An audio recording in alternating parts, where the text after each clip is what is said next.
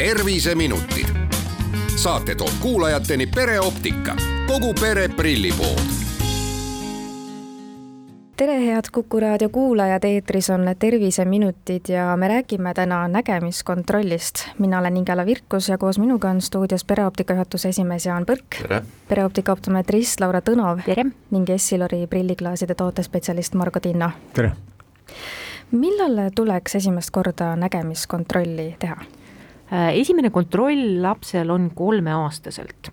Äh, seda teostab äh, esmalt perearst ja kui mingi probleem seal esineb nägemises, siis pöörduda silmaarsti poole. kui tihti tuleks edaspidi nägemiskontrollis käia, et kui lapsel on esimene nägemiskontroll tehtud?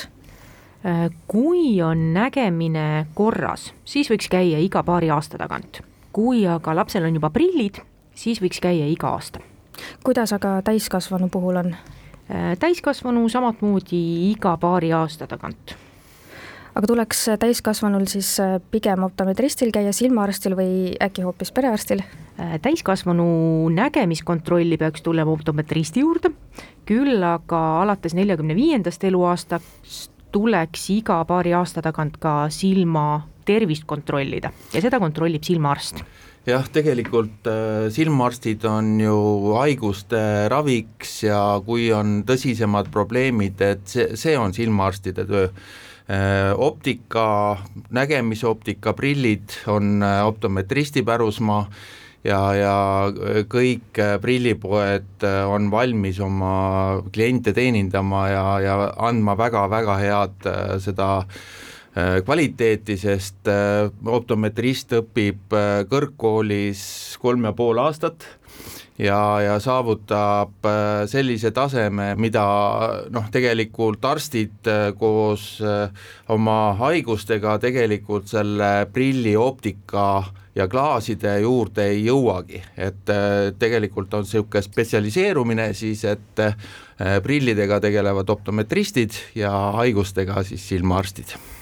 Et lühidalt lisaks veel nii palju juurde, et kui inimesed tunnevad et nägemises on mingi muutus, et midagi on imelikku või, või et midagi on sellist teistmoodi, et et siis tuleks pöörduda optometristi juurde või, või silmaarsti juurde, sõltuvalt siis, aga noh, esmane võiks olla optometrist, aga lihtsalt see, et, et nägemisel äh, muutused võivad olla sellised aeglased ja, ja seni, kuni me neid tähele paneme, siis on juba noh, mingi muutus toimunud, sest me harjume sellega. et kiirete muutuste puhul ilmselt on silmaarsti juurde pöördumine mõistlik nägemiskontrolli võib jagada alati kolmeks osaks, anamnees, objektiivne nägemise uuring ning subjektiivne nägemise uuring, et mida need siis endast täpsemalt kujutavad? Äh, anamnees on selline küsimustik, mida klientidele äh, antakse või küsitakse. Äh, näiteks vanus, kasutatavad ravimid, mis prillid tal praegu on, mis probleemid on, mis kaebused. objektiivne nägemisuuring on see nägemise kontrolli osa, kus otseselt ei ole vaja mingisugust tagasisidet kliendilt. ja subjektiivne on see osa, kus seda tagasisidet kliendilt on vaja. ehk siis, kas see nägemine läheb teravamaks või ei lähe milliseid äh, masinaid siis täpsemalt nägemiskontrollis kasutatakse, et kui teie juurde, Laura, tullakse, mida siis kasutatakse? Äh, objektiivses nägemise uurimises kasutatakse näiteks autorefraktomeetrit, see on see masin, mis siis mõõdab ära sellise silma kogutugevuse Äh, kasutatakse ka näiteks silmarõhuaparaati, äh, mikroskoopi, kuivasilmakeskuses kasutame ka näiteks Topcon aparaati, mis siis kaardistab ära sellise sarvkesta ja määrab ära, kas on kuivasilma probleemi või ei ole. On need valulikud protseduurid, et silmarõhu mõõtmine kõlab niimoodi, et kui ei ole kokku puutunud, siis kardaks kohe, et äkki läheb midagi silma sisse? silma sisse midagi ei lähe, et valu mitte kuidagi ükski need aparaadid tegelikult ei tee aga silmarõhu mõõtmise aparaat annab sellise õhupaugu äh, tegelikult silma peale ja, ja seda natukene nagu kardetakse, aga me ütleme, et, et seda ei ole põhjust karta, et see on puhas äh, õhk, mis äh, annab sellise väikse lööklaine ja, ja ta mõõdab selle silmarõhu väga täpselt ära ehk siis pigem ta nagu ehmatab võib-olla? ta on vist ehmatava iseloomuga jaa, et aga kui me räägime tehnikast, mida kasutatakse, et kuidas siis võib-olla silmaarsti tehnika erineb äh, optometristi juures olevast tehnikast silmakontrolli käigus siis, mida kasutatakse? no silmaarsti kabinetis kasutatakse näiteks äh, luupi, et äh, kontrollida silmapõhju. silmaarstid kasutavad ka silmalihaseid lõdvestavaid tilku, mida näiteks optometrist kasutada ei saa. küll aga näiteks mõlemad kasutavad mikroskoopi ja see tilkade, lõdvestavate tilkade panemine tegelikult ongi põhjus, miks jaoks meie äh, väikseid lapsi ei vaata, et äh, see on äh, nii-öelda silmaarstide pärusmaa, et nemad leiavad selle lapse nägemise siis niisugused kitsaskohad ülesse. mille jaoks seda lõdvestavat tilka on vaja siis või mis see täpsemalt teeb? Äh, lapse eas silmalihased on sellises väga heas toonuses mis siis tähendab seda, et kui optometrist seda kontrolli teeks, siis ta ei suuda seda silmalihast äh, korralikult lõdvestada. ja see silmatilk ongi selle jaoks, et see akomodatsioon ilusti lõdvestada ja leida ka sealt näiteks selline varjatud nägemisprobleem jah, et see näitab äh, seda, et mis on silma tegelik nägemisjõudlus. et silmalääts ja, ja lihased ja, ja kõik kompenseerivad ennast teinekord niimoodi, et et laps ei saa seda nagu äh, et, et me ei saa sellest aru, eks ole, mis see tegelik number on, sest äh, noh, laps vaatab oma sellise toonusega, nagu ta vaatab ja, ja, ja tegelikult, eks ole, selleks, et sellest aru saada, tuleb see toonus nagu ära võtta ja siis me saame aru, et palju see äh, tegelikult numbri suurus tal on kui nüüd aga nägemiskontrolli tullakse, siis kuidas selleks valmistuda, et kas näiteks äh, vana prilliretsept tuleks kaasa võtta või äkki tuleks midagi enne teha või hoopis tegemata jätta? Väga selline hea soovitus on korralikult eelmine öö magada, kui on tegemist kontaktläätsekandjaga, siis vähemalt kaks tundi enne kontrolli tuleks võtta kontaktläätsed silmast ära. Ja kindlasti vanad prillid, vanad äh, retseptid kaasa võtta. Ja, ja kindlasti mõtelda selle peale, kuhu kohta on vaja vaadata, et äh, tänapäeva prillioptika on selline, et me läätsedega äh, saame teha selle teravuse just sellele kaugusele, kuhu inimesel on vaja täpselt vaadata, et äh, tänapäeval on hästi häid klaase olemas Laura, te mainisite, et oluline on hästi välja puhata, et kui ma näiteks olen võib-olla eelmisel ööl halvasti maganud, tunnen natukene ärevust selle kontrolli ees, kas siis on täiesti mõttetu kontrolli tulla, et siis näitab kuidagi miski valesti? mitte küll täiesti mõttetu, aga siiski, kuna meil nägemine tegelikult päevapeale ka muutub siis kindlasti see magamatus ka põhjustab sellist nägemise muutust ja ka kontrolli siis natuke võib-olla siis raskendamist.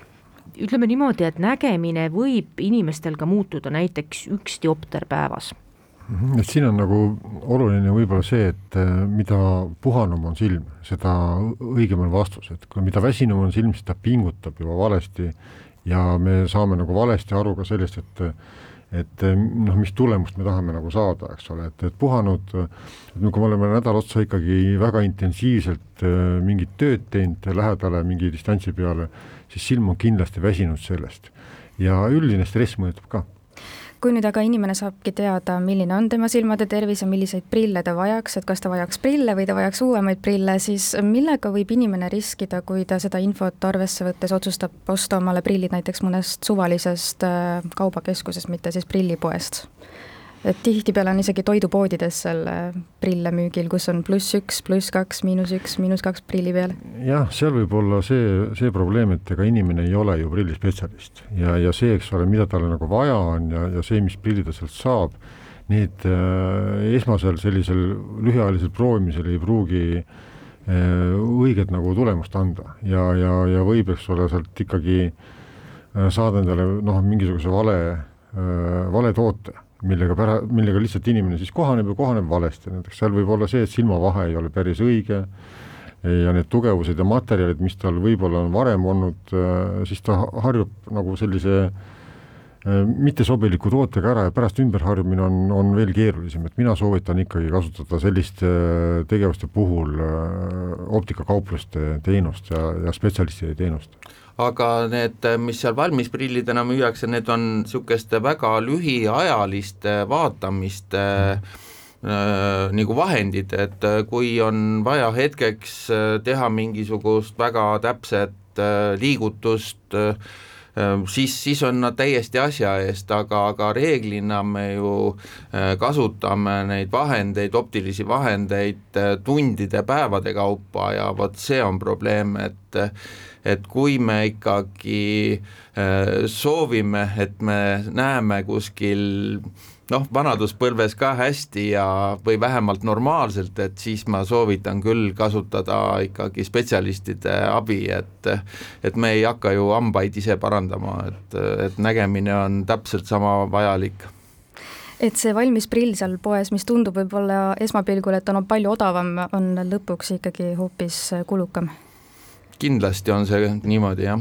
jah, et, et siin ongi nagu see, et et kui on juba ostetud toode, eks ole, siis inimene ikkagi kasutab seda tegi ise otsuse, et see psühholoogiline mõju on siin ka see, et ega ta ei viska seda minema, ta natuke on ebamugav, aga ta saab ikkagi oma asjad tehtud, aga ta harjub lõpuks sellega, vot pärast peab hakkama selle äh, vale, vale harjumusega tegelema. jaa, ja kui tähtis on see, et kui ta on harjunud selle valeprilliga, siis saades ette nii-öelda optometristi mm. määratud prillid, tegelikult ta tunneb sellega jälle ebamugavust, nii et, et need ohud on väga suured aga mida siis see valesti valitud äh, prill teha võib, et äh, millise riski inimene võtab, kui ta ostabki esimese ette juhtuva prilli?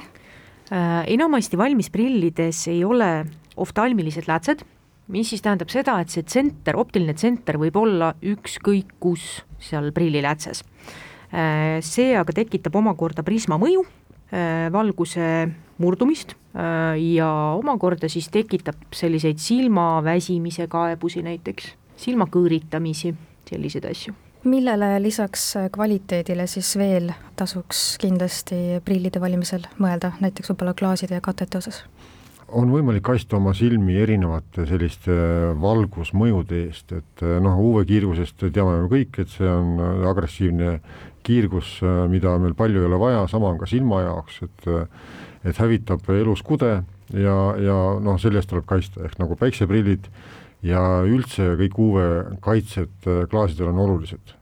ja lisaks on, on vaja mõelda ka seda, et kui me oleme palju ikkagi arvuti taga, et siis see sinise valguse teema on, on tänapäeval väga suur, see, et sinine valgus on selline, mis mida, mis ümbritseb meid väga palju, osa valguse spektrist, aga väga suure energiaga. ja vot see suur energia on samuti see osa, mis elus koele mõjub halvasti.